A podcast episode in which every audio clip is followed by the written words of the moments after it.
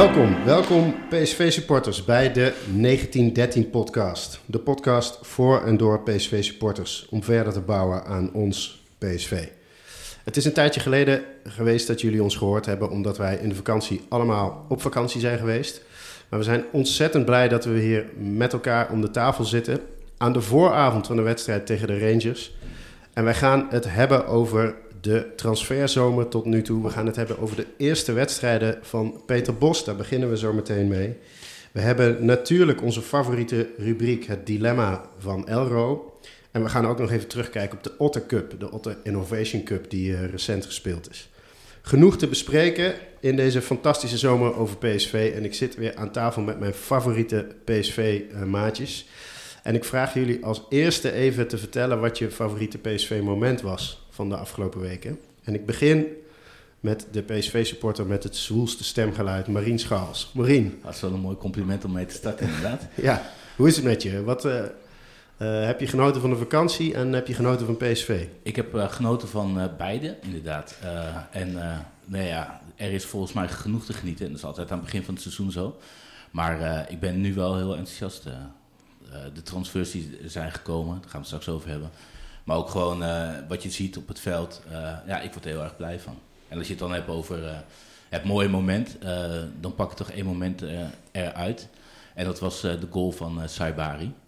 Uh, iedereen, uh, tegen iedereen, Vitesse. Ja, iedereen weet natuurlijk hoe lang die daar uh, tegenaan hikte. En wij ook. maar daar kwam heel veel samen. Het inspelen op Luc de Jong, de hakbal en, en het afronden. En ja, een mooi moment voor hem. Goed gestart aan het seizoen. Dus heel erg gegund. Ja, nou, ik hoop dat jij net zo goed start aan dit seizoen, Marien. en naast jou zit Mark, Mark Gommans, de PSV-supporter met de meeste tactische kennis. Mark, uh, heb je een goede vakantie gehad? Ik heb zeker een goede vakantie gehad, ja. Waar ben je geweest? Ik uh, heb een rondreis door Amerika gedaan. Dus wow. uh, dat was zeker het geniet waard. Ja. En heb je ook van PSV genoten? Ik heb wel van PSV genoten, ja. Het ziet er een stuk beter uit dan vorig jaar. Dus dat is ja, ook een stuk vrolijker. Dus dat is in ieder geval positief. Ja. En welk moment viel je het meest op?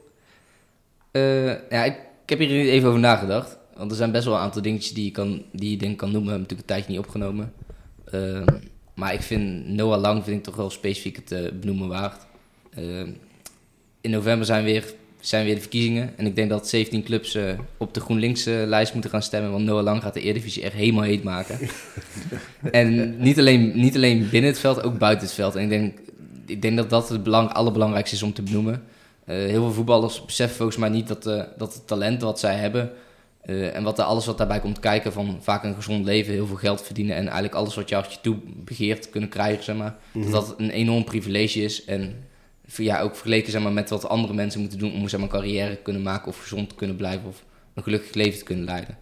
En als je dan ziet wat, uh, ja, hoe Noah Lang daarmee omgaat en Je Ja. bedoelt vooral na de Johan Cruijffschaal met die kinderen. ja, dat, dat moment, maar ook volgens mij rondom supporters op de hertgang en zo. Ja. Dat, eh, ja, heel veel, heel veel voetballers hebben dat, hebben dat besef niet. Maar ik vind, ik vind het daarom ook extra mooi om te zien dat hij daar zoveel tijd van neemt. Hij is meteen echt eh, de publiekslieveling, hè? Ja, Maar- ik vind, ik vind dat, ja, dat is gewoon, dat is echt, dat kan niet, dat kan niet vaak genoeg benoemd worden, vind ik. Ja, Hij heeft een heel ontwapende manier van in het leven staan of zo. En volgens mij kunnen we daar heel veel van leren. Dat je het niet allemaal serieus moet nemen. En misschien juist de dingen die je snel over het hoofd ziet, dat je die juist heel serieus moet nemen. Dat laat hij heel mooi zien. En het le- leuke is dat hij stiekem heel erg intelligent is. Maar dat, dat, je, dat je daar even Ja. doorheen moet prikken en dan pas ga je het zien. Ja, nou dat is eh, een prachtig eh, moment wat je noemt, eh, Mark. En een filosofisch begin van de podcast. We zijn we leggen, begonnen. Ja, we leggen de lat hoog. Elro, eh, hoe Ja. was je zomer en eh, heb je genoten van PSV? Ja, ik heb een heerlijke zomer gehad. Ehm, dat ten eerste. De zomer is gelukkig gewoon niet helemaal voorbij. En ehm, ja, eigenlijk had ik wel gewoon heel veel zin in PSV. Ik werd wel een beetje tegengehouden omdat we moesten gaan betalen voor oefenwedstrijden. En dat kon ik heel slecht tegen. Daar werd ik echt zagrijnig van. Dus eigenlijk ging ik er helemaal neutraal in. En eh, ik had kaartjes voor, voor Feyenoord, eh, Feyenoord PSV. Vriend had geregeld. eh en zo nog naar hem. En eh, we zaten op het thuisvak. En eigenlijk had ik, ik had er niet zo heel veel verwachtingen bij. Het enige wat ik dacht, nou, Feyenoord zal wel winnen. Die hadden net Benfica verslagen. En ik denk, nou, ga er gewoon voor zitten. Even kijken hoe ver we zijn. En nou, of het er een beetje goed uitziet. En ik heb eigenlijk, is dat op een gegeven moment zat ik in de rust, zei tegen die gast die naast me zat, die vriend van mij, zeg ja, het is echt heel goed hè, had ik echt niet verwacht. En ik heb echt genoten van PSV.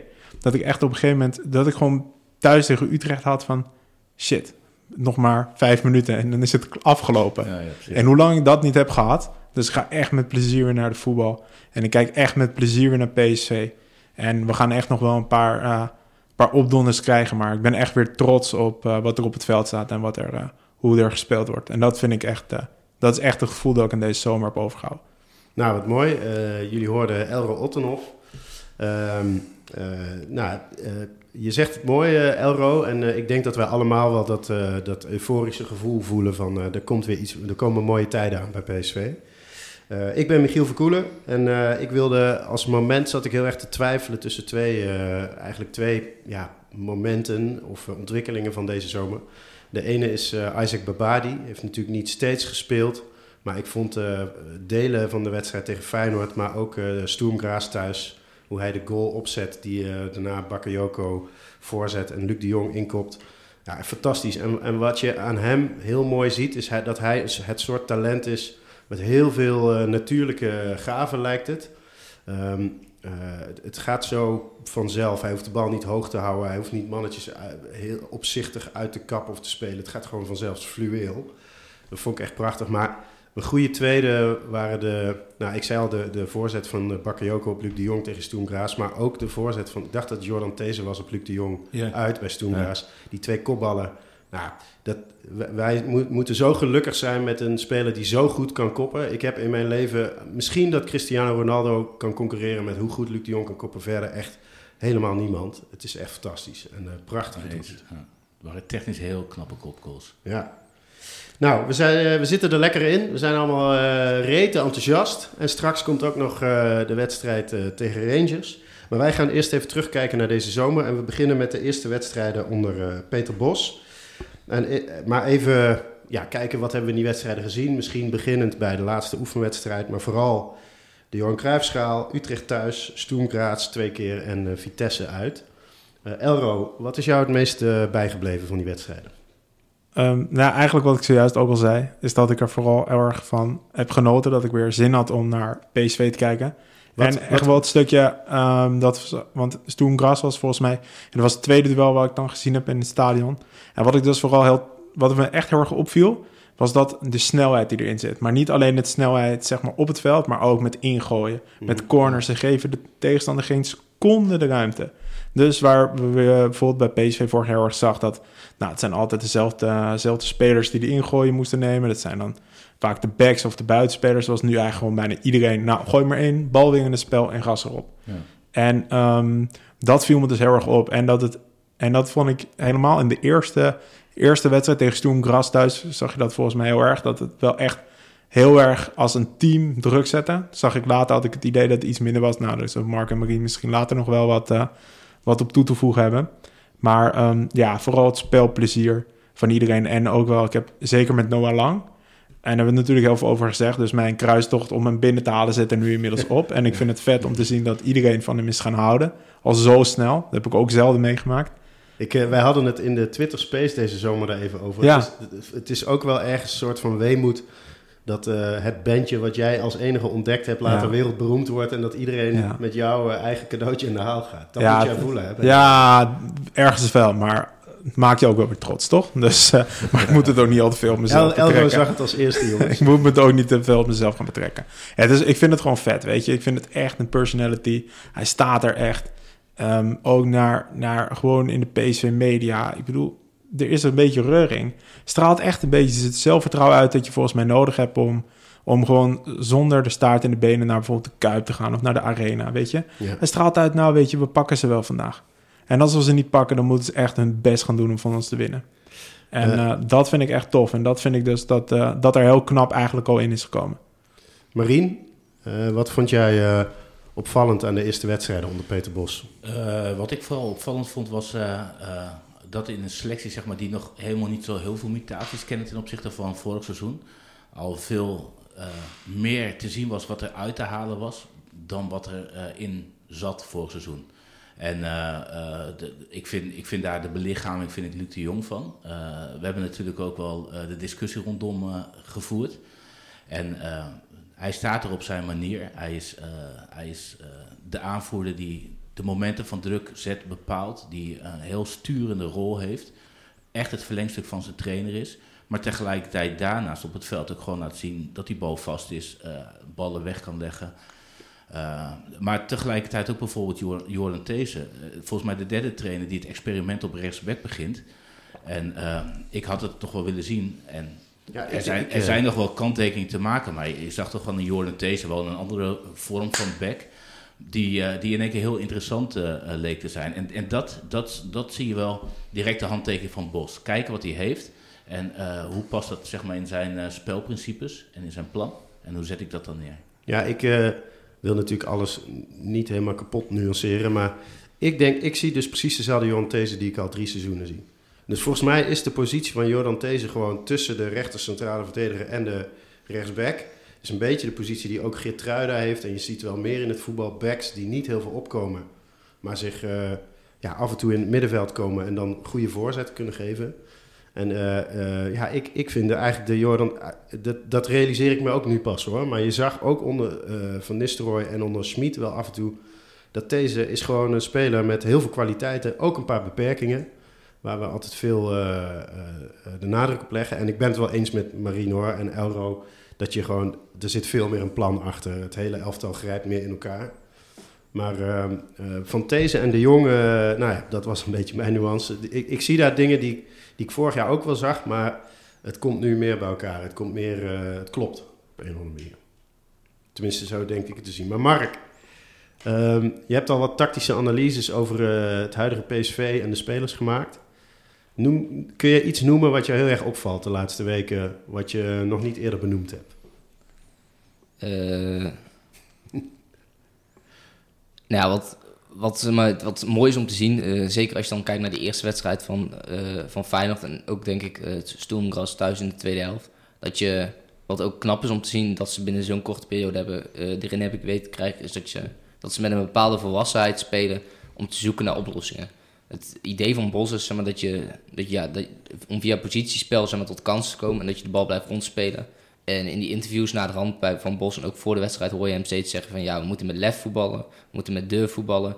En dan moeten we proberen de simpele oplossing te zoeken.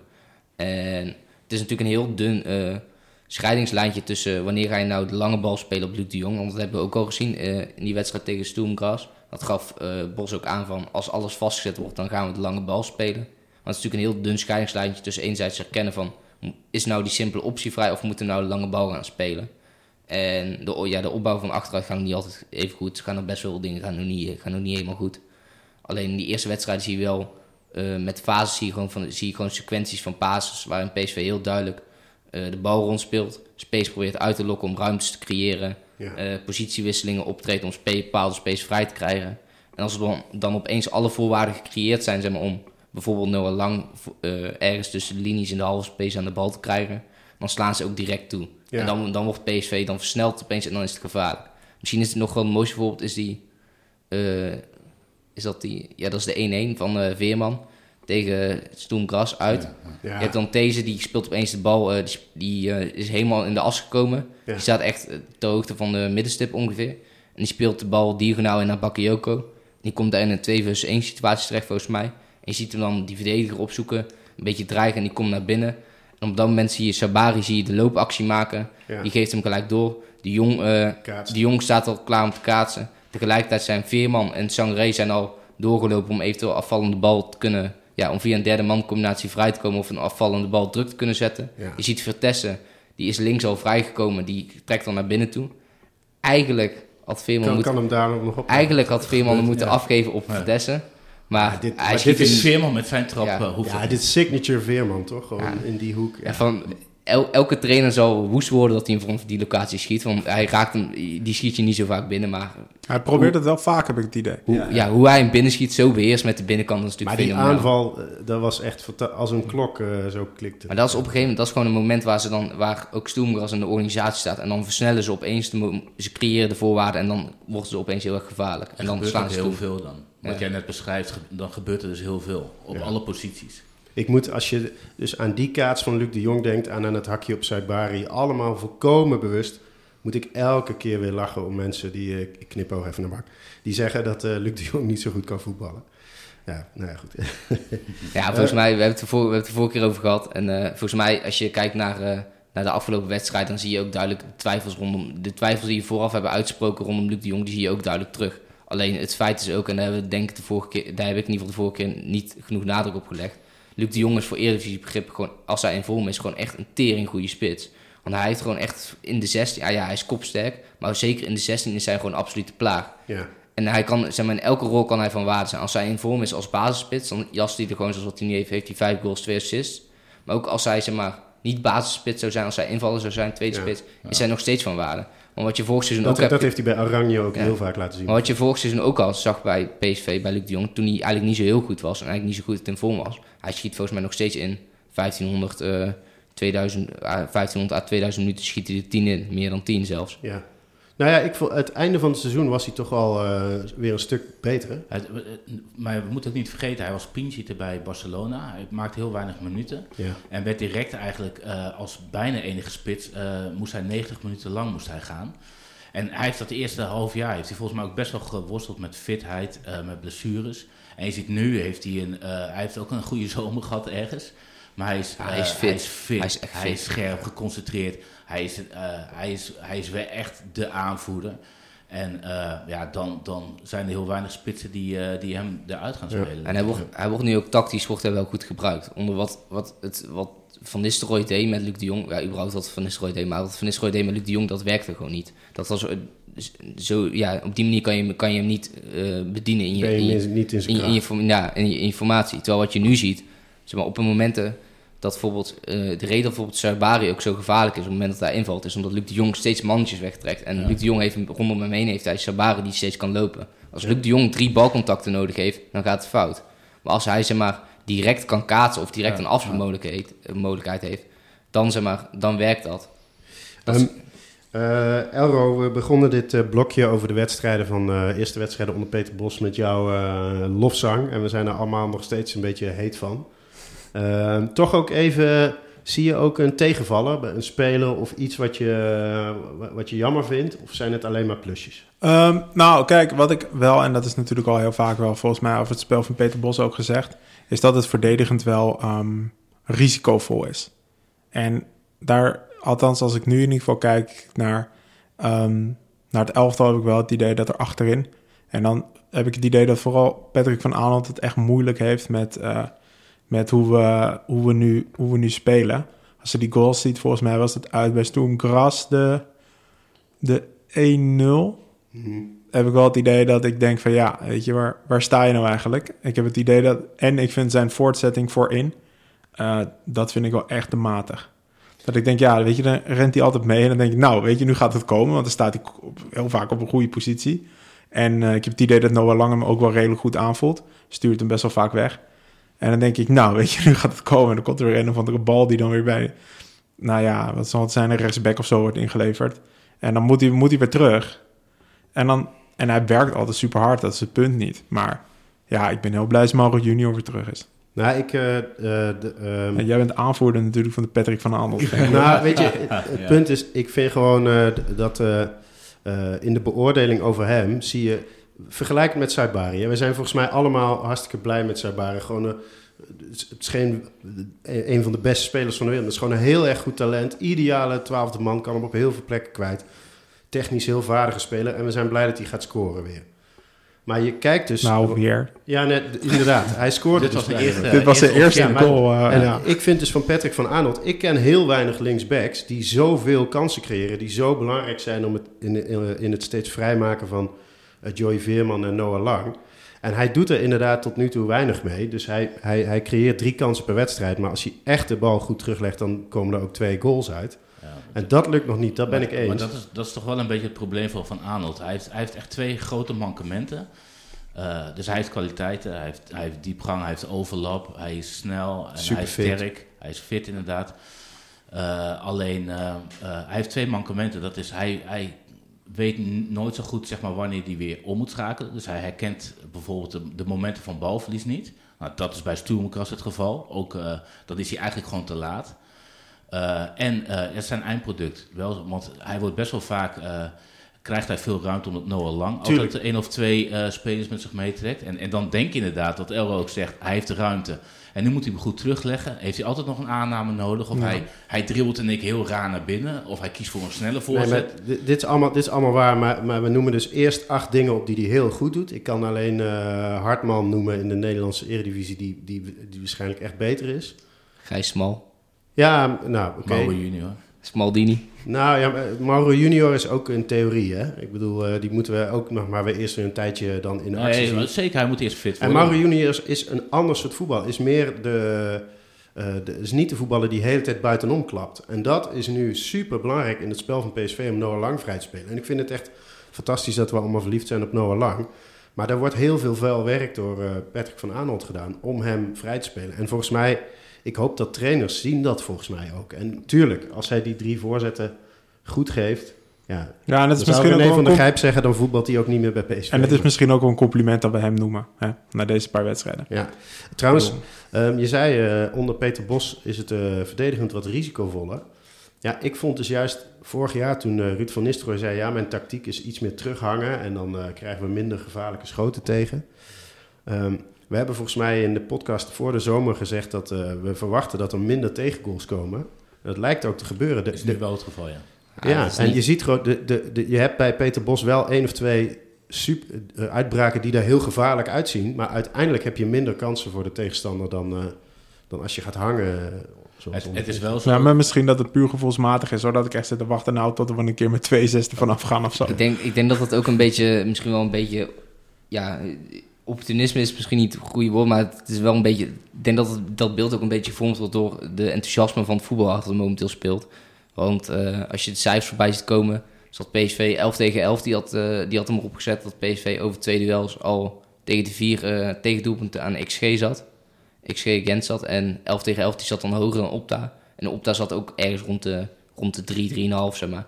Eventjes in normale mensentaal. Ja, het is gewoon een, een- het is- expected goals tegen. expected goals tegen. Dat is een statistisch Maar model, maar- zeg maar, wat, voorspel, wat de kans voorspelt, zeg maar, dat een kans eh, Een doelpunt wordt. ja, omgezet wordt in een doelpunt. Ja. Ja, En, en eh, eh, dat is hoog. dat is wel ja, over, drie duel, over twee duels is dat wel redelijk Wat- hoog. wat- wat mij Vitesse, opviel ook Vitesse, statistisch- Utrecht. Is dat eh, PSV wel ongeveer 20 schoten per wedstrijd eh, heeft. En dat dat al een stuk hoger is dan het volgens mij eh, was. Kijk even naar... eh, Valt, Ja, valt maar- wel mee. Maar, Ja? vol- Het is ongeveer hetzelfde. maar volgens mij gaat het, het gaat altijd om kwaliteit van kansen. Dat, dat, eh, dat is dit eh, wetenschappelijk model natuurlijk ook. En je zag het tegen Utrecht gewoon letterlijk gebeuren. Dus ik denk dat ze inderdaad in de praktijk minder kansen eh, tegen krijgen. Alleen de kansen die ze weggeven zijn wel gev- Groter. veel gevaarlijker. ja. Want eh Doevikas heeft ons gespaard natuurlijk. Laten we eerlijk zijn. Dat was precies die, zo'n eh, moment als tegen Rangers thuis vorig jaar. eh. Ja. Ja, PSV is gewoon heel kwetsbaar achterin. En dat zit hem natuurlijk deels in, in de tactiek van Bos, maar het zit hem ook deels in het feit dat gewoon... Dat, Normaal, ja. er missen gewoon een aantal, eh, een er missen gewoon een aantal ingrediënten achterin. Dat is één is communicatie. De enige die communiceert is Romario. Alleen Romario heeft al zijn handen vol van zichzelf. Wat je bijvoorbeeld ziet bij die, eh, bij die 1-0 bij Stoelmgras uit. Dan komt er een Romario, die komt zeg maar, eh, die komt er buiten, die komt ergens, die moet uitstappen en die komt in het duel tot twee keer toe. En dan staat de organisatie achter niet goed. En als, doordat hij weg is, dat duel uitvecht, is er niemand die kan coachen. Ja. En wat, je ook, wat ook een beetje het probleem is, is dat veel spelers gewoon... Ja, te veel spelers zijn te wisselvallig. Bijvoorbeeld een Van Aanholt, een These. Dat zijn in principe prima spelers om, die zich kunnen optrekken aan niveau. Maar op het moment dat zij over de, ja, in deze ach, achterhoede moeten gaan spelen... Dan, wordt, dan is het een beetje olie op vuur. Ja. En wat ook een beetje het probleem is, is dan natuurlijk bijvoorbeeld... Ja, Romario, Boscali, ze zijn gewoon kwetsbaar met ruimte in de Ze rug. zijn gewoon traag. Ze zijn- zijn twee tra traag verdedigers. Pascali is een hele goede bosverdediger. Alleen je hebben nu, we hebben nu echt al, je kan er echt al twintig momenten uitkiezen. waarin de spits van de tegenstander een snelle behendige, aanval in de diepte weggestuurd wordt. En gewoon met ruimte, gewoon ja, een meter ruimte heeft om maar te kunnen schieten. Dat is wel een mooi bruggetje naar ons volgende onderwerp, namelijk even de transfer zomer. En eh, laat ik even bij jou beginnen, Marien. Hadden we dan niet eerder eh, moeten inzetten op een paar goede, vooral een goede centrale verdediger? Eh, ik denk het wel. Eh, en dat wordt gewoon eigenlijk, maar dat is, dat met dit verhaal altijd achteraf kijken. We hebben 9 miljoen op Peppi hier terug, een stuk geslagen. En ik, ik, denk dat dat een positie is die je later wel hadden kunnen invullen. En dan had ik, had ik gekozen voor uh, zekerheid. En dan had ik een goede rechter centrale verdediger gehaald. Zeker ook omdat Bos dus schijnbaar vanaf het begin af aan van plan is geweest om deze als rechtsback te gebruiken. Ja, dan heb je sowieso nog iemand nodig. Ja. Ik weet niet of hij deze als rechtsback gaat houden hoor.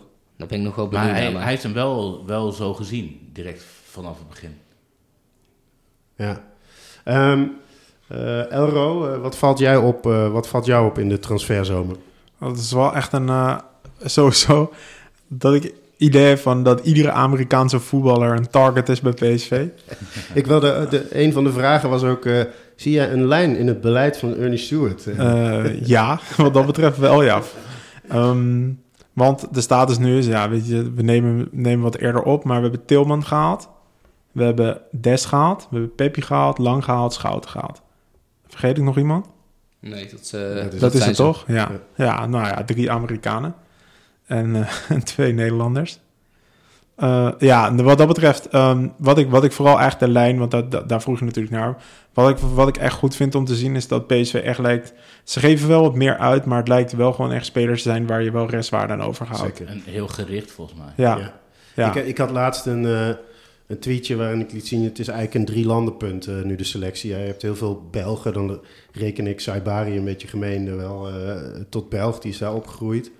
Um, uh, je hebt een, een, blokje Amerikanen en toch ook heel veel Nederlanders. En het is natuurlijk wel zo dat Dest en uh, Peppi zijn natuurlijk al niet nieuw in Nederland. Dus geen aanpassingsproblemen. En Tilman is eigenlijk een Duitser. Um, uh, opgegroeid in Duitsland. Je dus moet ook paspoorten gaan uitdelen op deze manier. nee, maar ik bedoel, dus de, het risico vaak bij een aankoop uit Zuid-Amerika of van ver weg is ook van aanpassingsproblemen. Ja. Hè? Kan, kan die aarde in de cultuur? Nou, dat, dat weet je bij Peppi ja. en dat weet je bij Serginho Dest en zo. Dus dat, dat risico is best wel klein. En, en, uh, en het niveau en, en, ja, niveau en tactiek is vaak bij, uh, bij dat soort competities heel, uh, is een heel groot probleem. Ja, in Zuid-Amerika. En, dat, en dat weet je ook al gewoon bij deze aankopen. En Serginho Des spreekt gewoon ongeveer net zo goed Nederlands als Elro uh, Ottenhoff. Dus, Dank. Volledig ABN, zonder accent. um, en wat ik trouwens daar nog even op terug te komen, wat ik ook zeg maar wel um, lijkt daar kennis dat ze wel echt voor kwaliteit dus kiezen en niet zozeer, want Peter Bos zei volgens mij tijdens een van zijn eerste persconferenties van nou, ik werk liever met een wat kleinere selectie dan met een hele grote selectie. En dat, uh, dat, dat, nou ja, ik heb het idee dat ik dat ook wel terugzie, dat hij dan maar liever hebt van nou, dan maar een paar echt goede erbij, die het, uh, die het niveau echt opkrikken dan, uh, dan tien, ja, maar net niet. Dat, dat is ook wel waar ik blij om, om ben. Want er werd natuurlijk op een gegeven moment wel wat uh, gezegd van... joh, wat, wat, duren die transfers lang en uh, ja. de voorrondes komen eraan. Maar wij hebben de laatste jaren te veel spelers... Uh, daar hebben we het ook al over gehad... met een smetje of een krasje... of die net dan weer niet pasten... of waar we waarschijnlijk te vroeg waren. En nu zie je wel zeg maar, dat ze de tijd nemen... Ja. dat ze echt een... Een, uh, een, lijstje hebben waarin ze gewoon echt ja, maanden, Schouten zei ook twee maanden, bezig zijn met uh, de nummer één van het lijstje. En dan pas doorschakelen. En laat het allemaal wat langer duren. Dat maar, maar, zou, maar, zou dat misschien ook wel komen... Oh, dat, dat ben ik dan eigenlijk wel benieuwd hoe jullie daar tegenaan kijken. Kijk, die eerste paar wedstrijden waren natuurlijk redelijk vroeg. Um, Feyenoord. Als ze daar nou met 3-0 hadden verloren... was er dan denk jullie meer gas geven op, op bijvoorbeeld de centrale verdediger? Nee, denk ik niet. Ik denk echt dat... Ik hoop het niet, maar... Mijn beeld is ook dat... Want jij zei uh, over... Je had misschien Peppi uh, niet als eerste prioriteit gehad. Volgens mij is het ook... Je wil bepaalde spelers... en die komen op een gegeven moment op de markt. Weet je wat, Thomas Belen had op een gegeven moment gezegd, nu gaat hij verkocht worden. Peppi ook. Uh, Zerouki en Peppi zijn heel vroeg verkocht, in het begin van de transferzomer. Omdat iedereen wist, die gaan hun besluit nu nemen, die club wilde vanaf of wat dan ook. En bij anderen, nou, kijk maar naar de transfer soaps uh, van deze zomer. Bij, bij, bij Ajax heb je er een paar, maar bij met De Bast en Franks ja, het is, je kunt het pas doen als het geld er is of als de club aan de overkant... Maar, maar, dat was het probleem niet. Want ze, ze hebben natuurlijk winterse verkopen gehad... Wat ze netto waarschijnlijk rond tussen 6 en 65 miljoen heeft opgeleverd. Ja. Dus ze hadden heel snel kunnen investeren. Maar ze hebben dus gewacht uh, en net zo lang met Schouten gepraat dat hij zei van... Uh, joh, AC Milan, uh, iedereen, goede vrienden, maar ik ga naar Nederland toe. Maar de markt is best lastig. Ik denk dat mensen dat wel onderschatten. Ja. Want je komt, wat PSV, PSV is nu echt wel in een hoge categorie aankopen. Ik denk dat jongens zoals Lang, zoals Schouten, die zijn gekomen... dat men echt onderschat hoe knap het is dat die zijn gekomen. Ja, Want zeker. de prijs waarvan men die heeft, heeft eh, kunnen krijgen, zijn, zijn niet eh, marktconform, denk ik. Ik denk dat je no- normaal zou je er echt veel meer geld voor betalen.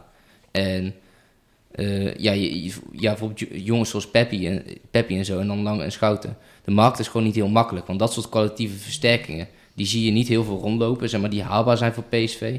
En die jongens die dan bijvoorbeeld wel haalbaar zijn, bijvoorbeeld een Franks of, het, of een de Kettelaren, zeg maar, eventueel, die zitten dan vaak bij topclubs. En die wachten toch eerst Ja, of er nog een ja, andere stap voorbij komt.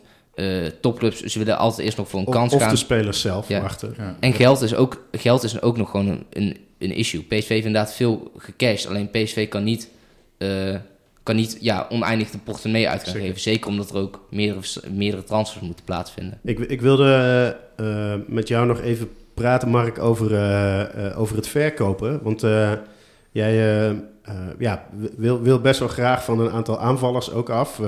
Volgens mij El Ghazi, maar zelfs Bakayoko. Zou jij, eh, ja, heb jij wel kritiek op en zou je misschien willen verkopen? Zeg ik dat goed? Eh, nou ja, laten we het zo zeggen. Ik denk dat moment, momenteel, hoe het met, momenteel met Bakayoko zit, ik ben niet bijzonder om. Het is een heel groot, het is een talent met heel veel potentieel. Ik denk dat er heel veel vraagtekens momenteel zijn in hoeverre hij dat potentieel kan gaan waarmaken. En ook in hoeverre hij momenteel het, het na te streven niveau heeft voor een basisspeler, denk ik. Mhm. Of een on- onomstreden basisspeler in de, in de aanval van PSV, wat je, wat je na moet streven. En ik denk dat, eh, zeker met de huidige transfergekte, als een bepaalde categorie eh, bedragen voorbij gaat komen, dat er dan bepaalde mechanismes in werking gaat, gaan treden. Zelfs voor bij Madueke vorig jaar, dat je gewoon niet meer nee kan zeggen. En dan moet je hem gewoon verkopen. Zeker ook omdat Ja, ik, Eh. maar stel nou dat, dat eh, af en toe kun je als PSV toch wel... Kijk, je moet een grote transfer doen. Iedereen gaat er nu vanuit dat dat Sangaré is. Maar je bent als PSV natuurlijk niet helemaal onderaan de food chain. Dus volgens mij zou je best bij Bakayoko... Ik vind het wel een interessante casus. Kijk, vorig jaar heeft John de Jong gezegd over eh Gakpo op de laatste dag... we gaan het niet doen. Was ook veel te laag bedrag en leads en zo. Dus volgens mij wilde niemand dat echt. Maar stel, eh, Liverpool komt over twee dagen of over eh, volgende week met eh 40 miljoen voor Bakayoko. Dan kan je als PSV te zeggen, nou, we hebben ons geplaatst voor de Champions League, hopelijk. Ehm, we staan er helemaal klaar voor. We hebben het geld nu niet per se nodig. We doen het niet. Of gewoon, eh, nou, dan, dan maar eh 20 miljoen erbij of zo. Maar dan hou je toch gewoon een nieuwe bakken, Joko? 40 miljoen. Ja, maar we, eh, op 30 augustus? En, en Ja. even over een nieuw Bakayoko, hè, want hier, hier wilde ik even over vlammen met jou. Maar maar ik, ik snap volgens mij wat jij... Jij hebt wel eens uitgelegd dat eh Bakayoko, als hij de bal krijgt... dat hij dan eerst vertraagt en dan pas weer gaat rennen. een- wat je ziet bij hem, eh, heel, ik vind hem vrij, hij is vrij statisch in zijn spel. Dat is ook iets wat ik rondom Luc de Jong eh, altijd zeg. En er zijn toevallig wat mensen op de mentions in mijn Twitter. Niet, niet opa Toivonen toevallig, want ik zie al mensen hier lachen. Die, hoe heet het, die zeiden van ja, ik zie Luc de Jong juist best wel veel bewegen. En hij heeft best wel veel diepgang nu ook onder Bos. En dat klopt. Alleen eh zit natuurlijk een, statisch zijn is niet per se het verschil tussen wel of niet bewegen met de bal. Het is ook op het moment eh, dat je aanneemt hoe je draait, hoeveel aannames je hebt, hoe je, hoe je techniek is. Maar dat speelt ook Ja. allemaal mee. En je ziet bij Bakayoko, eh in, bijvoorbeeld in zijn doorbeweging, in zijn acties, daar is, hij daar is hij gewoon redelijk statisch in. En op het moment dat hij een bal heeft, dat hij de bal krijgt in een situatie, je ziet hem dan heel vaak in de momenten van, van de actie zie je het spel vertragen. Waardoor hij vaak dan wel zijn man passeert, maar vervolgens komt hij dan in een situatie terecht dat zijn man passeren eigenlijk niet, eh, niet een vervolgactie kan opleveren. Of dat het momentum van de aanval voor, voorbij Ja, gaat. is, is, is hierin, eh, ik durf, zelf- ik durf zelfs aan dat de functionele techniek van Saibari in dat opzicht veel beter is dan dat van Bakayoko. Eh, ik eh, moet ingrijpen. De, de, De transferzomer. Nee, nee, nee. Eh, nou, wat ik echt heel cool vind aan Mark's analyses... is dat hij mij op een andere manier naar voetballers laat kijken. Dus ik had, wat jij hebt verteld over Bakayoko... had ik helemaal niet gezien. Ik zie het nu wel, maar ik denk... Mijn oordeel is toch net anders. Ik vind Bakayoko dus heel erg veelzijdig. Omdat hij, als je kijkt naar die goals die hij maakte... voor de Rode Duivels en ook vorig jaar wel bij PSV... hij kan, dat doet hij niet zo vaak... maar hij kan gewoon diep gaan en recht op de goal af en scoren...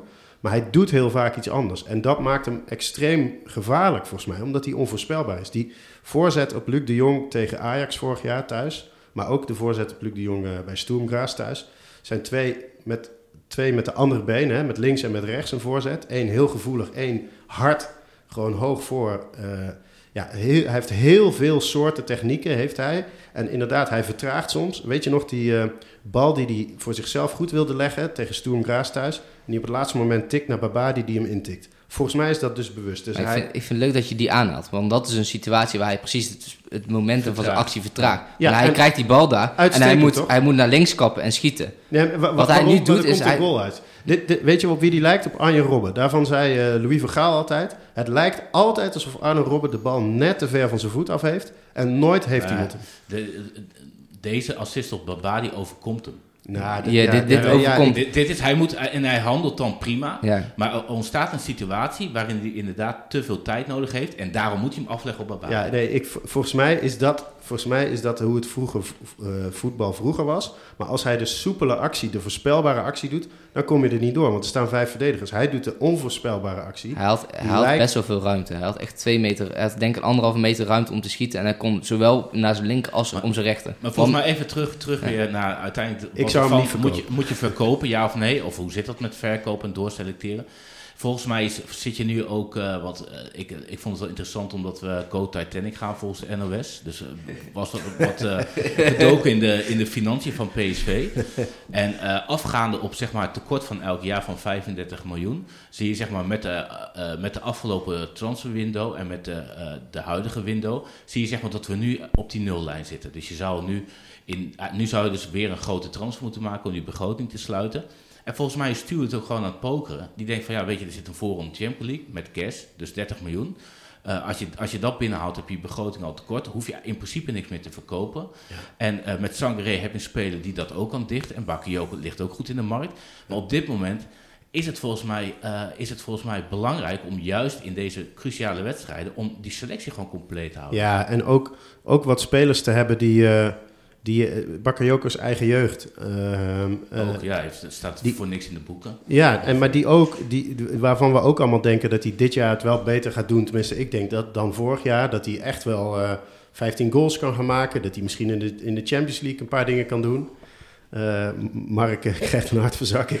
Maar, eh, maar ik vind zo iemand ook belangrijk voor het beeld van je elftal. En als je die op de laatste dag zou verkopen en dan in één keer... eh, nou, wie, wie zou je, wie moet je halen? Dan Dat ja, het doet ook iets... eh, ja, nou oké. Maar, stel, hè, want eh, het is volgens mij geen geheim dat PSV op zoek, op zoek is naar een, a- naar een aanvaller. Want eh, ze willen El Ghazi heel graag sluiten. Dat, eh, de laatste berichten van vandaag is dat ze zelfs overwegen om El Ghazi transfervrij van de hand te doen. Zo graag willen ze van hem af.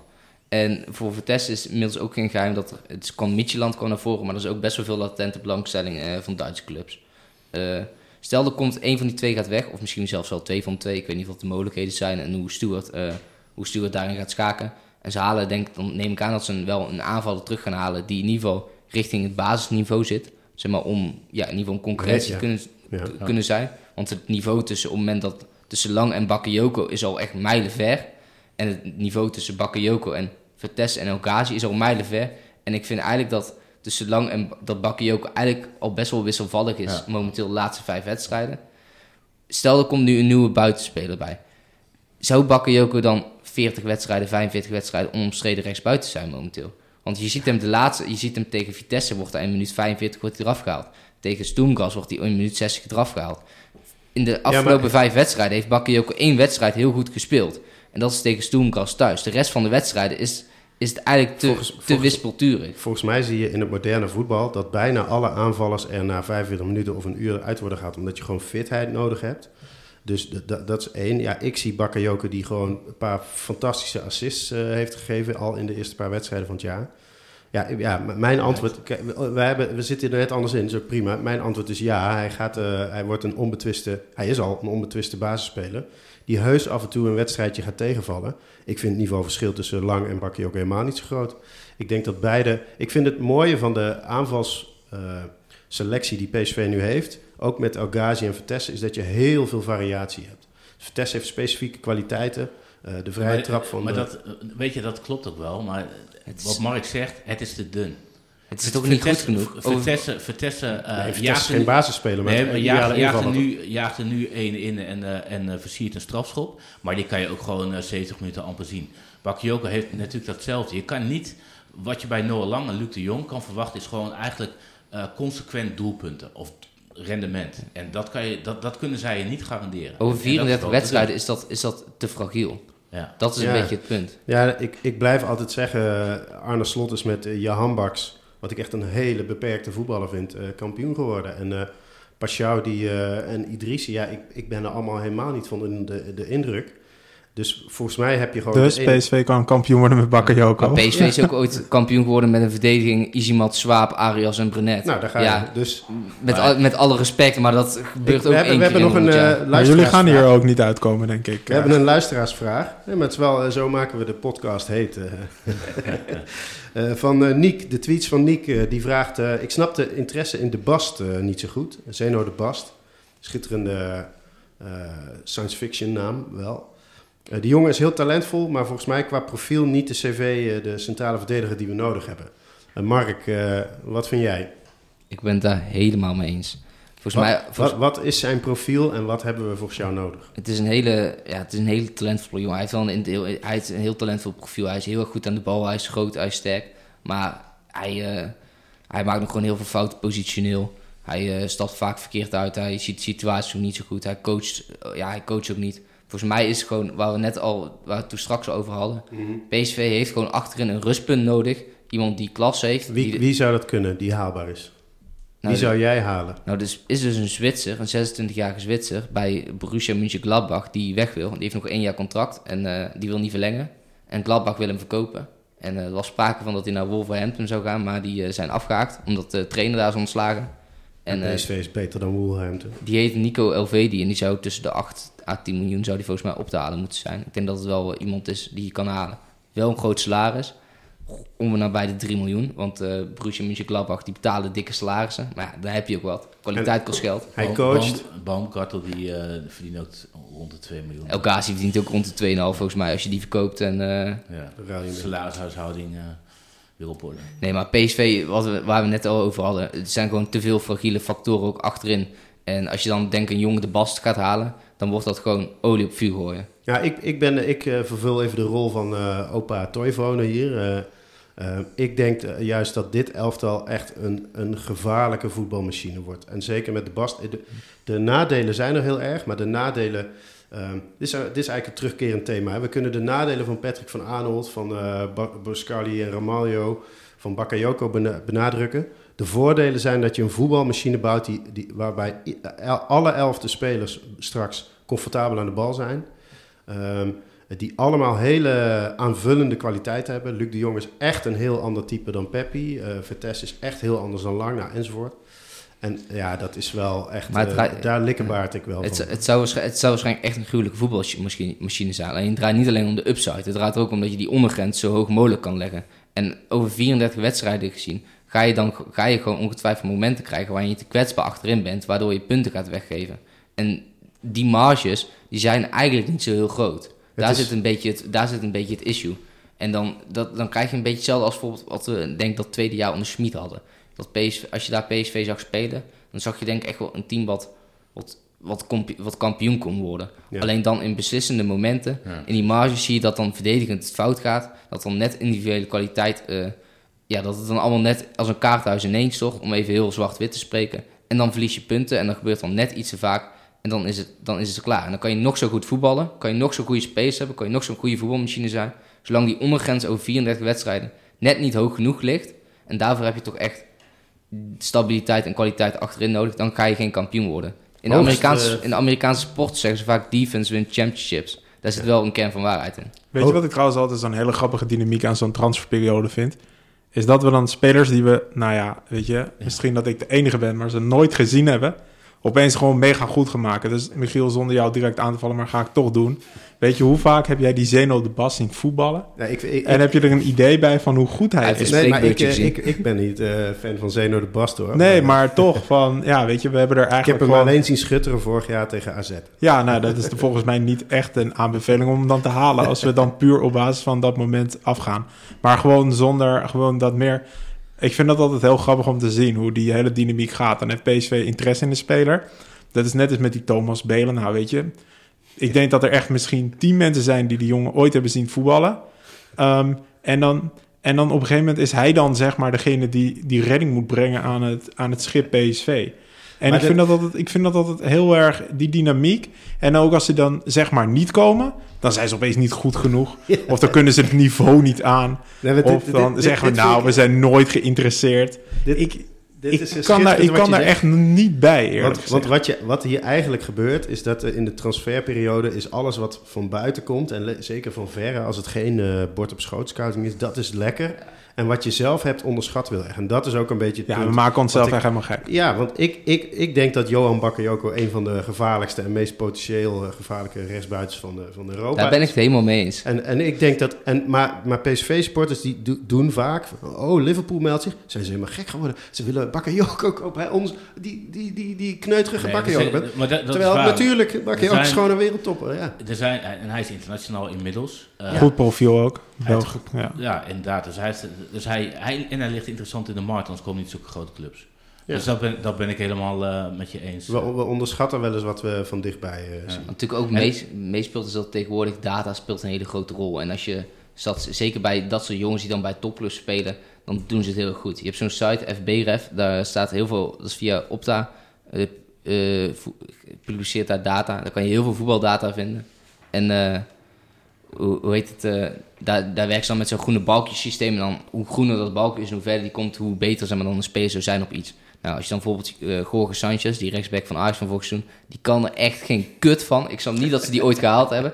Die, die scoort alleen maar groene balkjes. Puur omdat hij bij Ajax Ja, speelt. ja. En dat systeem. En daardoor scoort hij zo hoog. Dat is natuurlijk ook een beetje hoe, hoe zeg maar, een speler bij een topclub en een specifieke speelstijl Ja. zeg maar, data kan beïnvloeden. En daar scouten clubs tegenwoordig wel op. Ja. En ik wil ook nog even één toevoeging doen, want we gaan... Laatste opmerking, Ja, dan gaan we naar het we hebben- hoogtepunt van de podcast. Ja, we hebben het over transferwindows en over fragiel en over eh, wat, er, wat er mis kan gaan.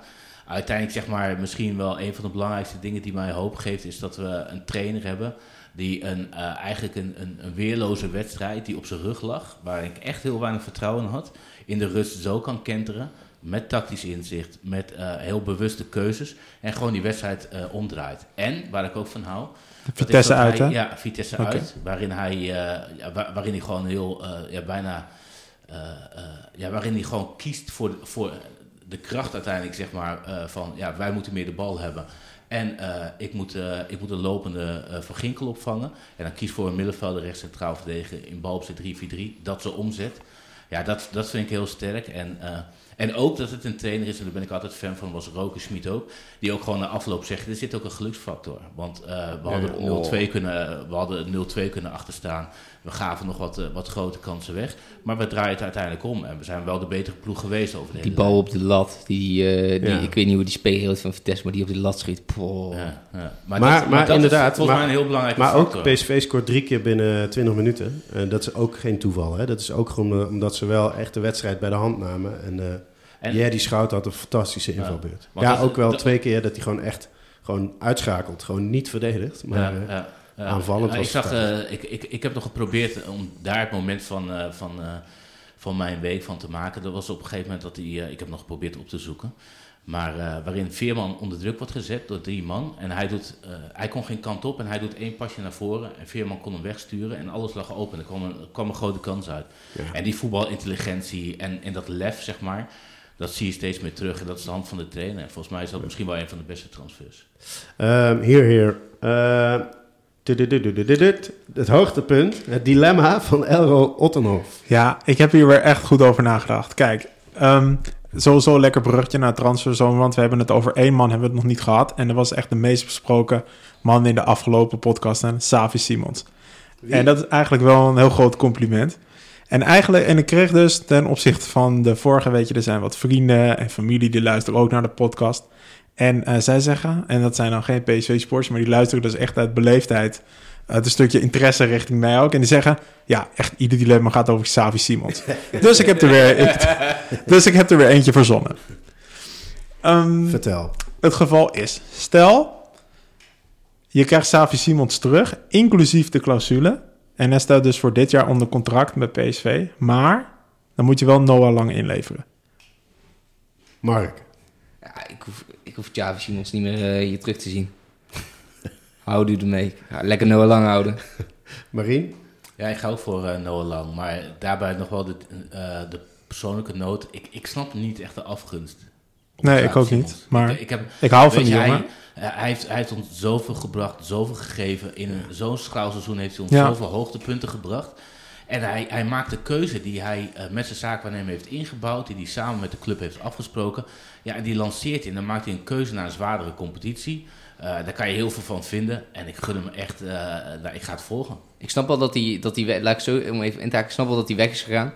Eh, ik denk dat dat ook het beste is voor zijn carrière en voor zijn ontwikkeling. Want het weerstandsniveau in de Eredivisie ligt gewoon te laag voor hem. Maar de manier waarop het is gegaan is volgens mij niet helemaal soepel geweest. En volgens mij speelt onder andere de zaakwaarnemer heeft waarschijnlijk wel een hele grote rol in gespeeld. En die heeft wel een hele dikke zak geld van Paris gekregen en hem gek gepraat. Want we weten allemaal dat Xavi Simons waarschijnlijk vrijwel geen één minuut in Paris Saint-Germain shirt gaat spelen. Want die wordt volgend seizoen wordt hij gewoon verkocht aan de Engelse top, want daar wil hij graag naartoe. Mhm. Dat is een beetje het lullige van Dus, heel, het is van een- heel de het- zaak. het- Het is maar een ook- bijzondere vorm van carrière plannen in een, in een wereld, zeg maar, waarin eh, dit soort dingen gewoon best wel aan de orde van de dag zijn. En tegelijkertijd is het ook, daar hebben we de vorige keer het hadden we het over, het is ook de communicatie van PSV zelf, die, die een beetje de, het chagrijn erom Ja, heeft er gekregen. was, er was op een gegeven moment, eh, en dan moeten we weer even verder gaan met het dilemma. Maar er was op een gegeven moment natuurlijk wel sprake van zaakwaarnemer gesignaleerd. Ze zijn in gesprek, het ziet er goed uit, dat soort Ja. dingen. En in één keer eh, werd het hesje van zijn schouder afgetrokken en dan zat hij in het vliegtuig. Ja. Dus dat- Het salty berichtje van daar- PSV, zeg maar, op zondagochtend. Ja, daartussen, daartussen zeg maar, dat, dat voelt niet helemaal lekker. Maar hij heeft mij te veel gegeven om iets te misgunnen. Maar daarom, deze kant van de tafel hopelijk kiest ook de andere kant van het dilemma. Ik zou, eh ik zou Xavi Simons eh, behouden. Die heeft al meer bewezen dan Noah Lang heeft bewezen. Die, eh, ik hou van Noah Lang hoor, maar eh, nog net iets meer van eh, Xavi Simons. Jij ook, Elro? Echt met pijn in het hart is dit dat ik ook wel voor Simons kies. En ik moet, ik, ja, ja, ik weet het, ik weet het. Maar dan had ik misschien komend, komende zomer nog een keertje voor Noah Lang kunnen pleiten. Maar ehm, nee, het was ook meer gewoon omdat ik denk van... Ik heb het gewoon het idee dat Xavi Simons echt absoluut de wereldtop kan worden. Ehm, en ik zou het wel heel vet vinden als hij nog langer in het shirt van PSV had gespeeld. Xavi Simons was al wereldtop bij PSV. Maar eh, Jij bent we- echt van dit soort uitspraken. Het is echt ongelooflijk. Dit is, gewoon, dit is gewoon zwart of wit. Het is gewoon het enthousiasme Maar van voetbal. de- Dat- Of iemand is, niks, of iemand is een wereldtopper. oktober, oktober vorig jaar eh, moet je maar eens terugkijken dat hij de hele verdediging van eh, Arsenal eh, echt Ja, een paar ik heb keer eh, helemaal in de luren legt. Ja, nee, ja, dat is mega Hij was goed. echt. eh, eh, wat, wat dichtbij is, waarderen we te weinig. Ehm, de Otter Cup. Laten we daar eh, ter afsluiting van deze podcast nog heel even bij stilstaan. Eh, Mark, eh, jij eh, houdt van voetbal, houdt ook van jeugdvoetbal. Eh, heb jij het een beetje gevolgd, eh, de, Otter Innovation Cup? Nou, ik heb het niet gevolgd, want ik was op vakantie met mijn vriendin in Duitsland en dan mag ik geen voetbal kijken. Dus eh, dat, eh, Oh, wat Ik heb voor je. ja, ik heb het niet gevolgd. Helaas, want ik wou wel echt alle wedstrijdjes kijken namelijk. Dit, dit wordt trouwens wel een... Je mag geen voetbal kijken van? Van mijn vriendin in eh, Duitsland. Deze, dit wordt het dilemma voor het Ja. volgende podcast.